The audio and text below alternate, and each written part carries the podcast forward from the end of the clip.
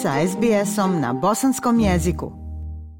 A iša lijep pozdrav tebi i slušateljima SBS radija. Kao što se i pretpostavljalo i očekivalo, visoki predstavnik Međunarodne zajednice u Bosni i Hercegovini, Kristijan Schmidt, 27. aprila nametnuo je odluke i odblokirao formiranje vlade Federacije Bosne i Hercegovine. On se obratio javnosti i na samom početku obraćanja Kristijan Schmidt je pojasnio kako je političarima ostavio dovoljno vremena da donesu određene odluke odluke, ali da to nisu učinili. Poručio je kako je u međuvremenu bilo dosta razgovora političkih partija, odnosno stranaka, ali bez jasnog napretka. Zbog toga, istakao je Schmidt, donio je odluku o deblokadi imenovanja vlade Federacije Bosne i Hercegovine. Evo poslušajte dio njegovog obraćanja. This decision I aim to break the statlock and to enable the House of Representatives. Ovom odlukom želim oko okončati postojeći zastoj i omogućiti predstavničkom domu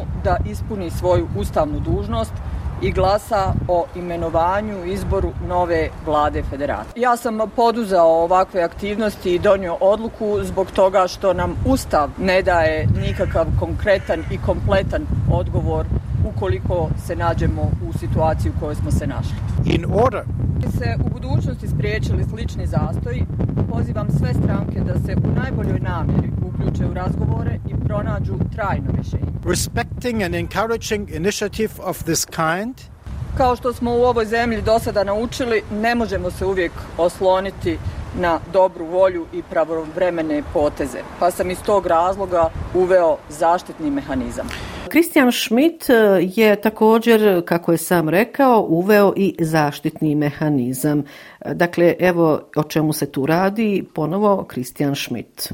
This systemic deadlock breaking mechanism ovaj sistemski mehanizam za prevazilaženje zastoja koji uvodim stupit će na snagu samo ukoliko parlament ne postigne dogovor oko ustavnih amandmana u roku od godinu dana. Ovaj mehanizam podrazumijeva transparentan proces predlaganja premijera i razradu prijedloga za vladu, a rješava zastoje uz puno poštivanje prava svih konstitutivnih naroda i uz ravnotežu s građanskim demokratskim principima, kao uz ukidanje diskriminacije grupe ostalih. We should invite civic society organizations and representatives to come forward with their ideas as well. Trebamo pozvati predstavnike civilnog društva, odnosno organizacije građanskog društva, da i oni dostave svoje prijedloge. Ovdje se ne radi o zadatku koji stoji pred nekolicinom političara, nego se radi o zadatku pred kojim se nalazi cijelo društvo. Daleko mi je draže da lokalni organi vlasti iznađu svoje vlastito rješenje, ali prevazilaženje postojećih zastoja i sužavanje prostora za nastanak ovakvih zastoja u budućnosti moraju ići jedno uz drugo. Responsible politicians should put aside their partisan interests. Odgovorni političari trebaju ostaviti po strani svoje stranačke interese i prepoznati više interese federacije, države i njenih građana i demokratski mandat predstavničkog doma federacije. Moja odluka stupa na snagu odmah nakon njenog objavljivanja na web stranici OHR-a, što će se u ovom slučaju desiti večeras. It includes a short term. Kođe uključuje i jedan kratki dio gdje se poziva predstavnički dom da dakle krene sa glasanjem o vladi. Tako glasanje i tako odlučivanje nije moj posao, nego je to zadatak za izabrani zvaničnike.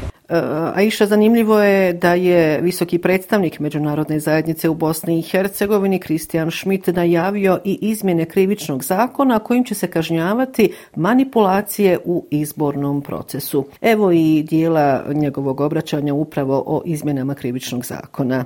I have amended criminal codes. U cilju poboljšanja integriteta izbora izmijenio sam krivične zakone kako bih uključio novo krivično djelo podmičivanje na izbor izborima. This amendment enables efficient sanctions for any instances of bribing elected officials. E, na osnovu ovakvih izmjena i dopuna omogućava se efikasno sankcioniranje svih slučajeva podmićivanja izabranih zvaničnika. To treba poslužiti kao upozorenje svima onima koji razmišljaju o pribjegavanju, podmićivanju ili zastrašivanju da bi ostvarili svoje političke ciljeve. A istovremeno treba poslužiti i kao ohrabrenje za sve one koji žele fair igru i vjeruju da njihovi glas glasovi neće biti zloupotrebljeni. Tu računam na podršku brojnih razumnih i odgovornih ljudi koji podržavaju demokratiju. These new offenses are meant to fight systemic political corruption. Cilj uvođenja ovih novih krivičnih dijela je i prevencija sistemske političke korupcije koja je i dalje glavni kamen spoticanja i uzrokuje ozbiljne štete kako po ekonomiju, tako i po svakodnevni život građana. Već sam o tome i ranije govorio, vraćam se na to pitanje još jednom. More needs to be done to strengthen the integrity of elections and restore the trust of the citizens in the election process. Potrebno je učiniti još više kako bi se ojačao integritet izbora i vratilo povjerenje građana u izborni proces. Pozivam političke lidere da hitno počnu rješavati pitanje integriteta izbora i da to učine na vrijeme, uzimajući u obzir općinske izbore koji predstoje sljedeće godine. U budućnosti ne bismo trebali imati izbore u ovoj zemlji gdje birači sumnjaju da li su njihovi glasovi prebrojani kako treba. Ili da se birači nalaze u, u situaciji gdje ih se zastrašuje i gdje im se onemogućava slobodno glasanje. Nakon ovoga iša uslijedile su i brojne reakcije, naravno iz Federacije Bosne i Hercegovine i stranke koje e, čine osnovu vlade Federacije su pozdravile ovu odluku Kristijana Šmita, tu prije svega mislim na socijaldemokratsku partiju, na našu stranku te narodi pravdu. S druge strane, stranke koje nisu u vladi federacije e, su komentarisali također odluku visokog predstavnika i između ostalog e, stranka demokratske akcije i demokratska fronta su e, u svojim saopćenjima istakli da je Kristijan Schmidt nedopustivo pogazio ustav federacije Bosne i Hercegovine, ignorisanje volje Bošnjaka je neprihvatljiv presedan. To su reakcije i stranke demokratske demokratske akcije i demokratske fronte. A iša kada je riječ o vladi Federacije Bosne i Hercegovine, tu su se ipak desile novine, a evo i zašto. Naime, 25. aprila javno su se oglasili stranka za Bosnu i Hercegovinu i NES stavom da oni neće pristati na bilo kakvo privremeno rješenje koje bi Schmidt eventualno nametnuo. A također su u saopćenju istakli da je za njih neprihvatljivo da Vojin Mijatović bude ministar u novoj vladi Federacije Federacije Bosne i Hercegovine. Mijatović je, podsjetiću, predložen za ministra razvoja i obrta Federacije Bosne i Hercegovine. Stranka za BiH i NES u parlamentarnoj proceduri nikada ne bi mogli podržati vladu u kojoj je Vojin Mijatović do premijere Federacije Bosne i Hercegovine bez obzira na to koliko bi naših ministara bilo u prijedlogu stoji u saopćenju ove dvije stranke. Dakle, nikakvi sporazumi Osmorke i HDZ-a ne mogu se koristiti kao alibi od visokog predstavnika predstavnika za nametanje bilo kakvih nakaradnih ustavnih rješenja, a pogotovo za nametanje kompletne vlade, dodaje se u zajedničkom saopćenju stranke za Bosnu i Hercegovinu i NESA. I upravo nakon ovog zajedničkog saopćenja je došlo do promjene u odnosu na kandidate predložene za ministre u vladi Federacije Bosne i Hercegovine. Tako da su stranka za BiH i NES izgubili četiri ministarstva. Umjesto njih HDZ 1990 2010. dobit će jednog ministra, dok će za ministra policije biti imenovan Ramo Isak, koji je upravo izašao iz NES-a. Evo i kompletnih imena u vladi Federacije Bosne i Hercegovine. Dakle, premijer Federacije Nermin Nikšić iz SDP-a, Ministarstvo razvoja poduzetništva i obrta Vojin Mijatović SDP,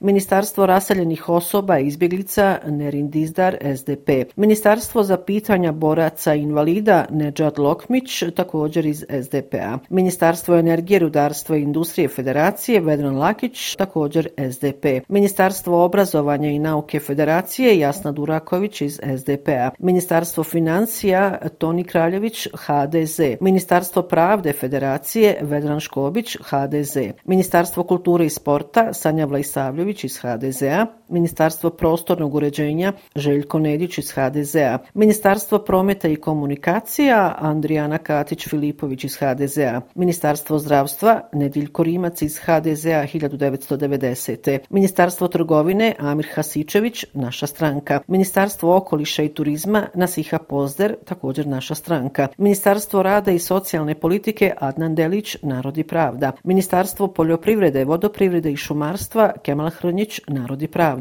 Ministarstvo unutrašnjih poslova Ramo Isak.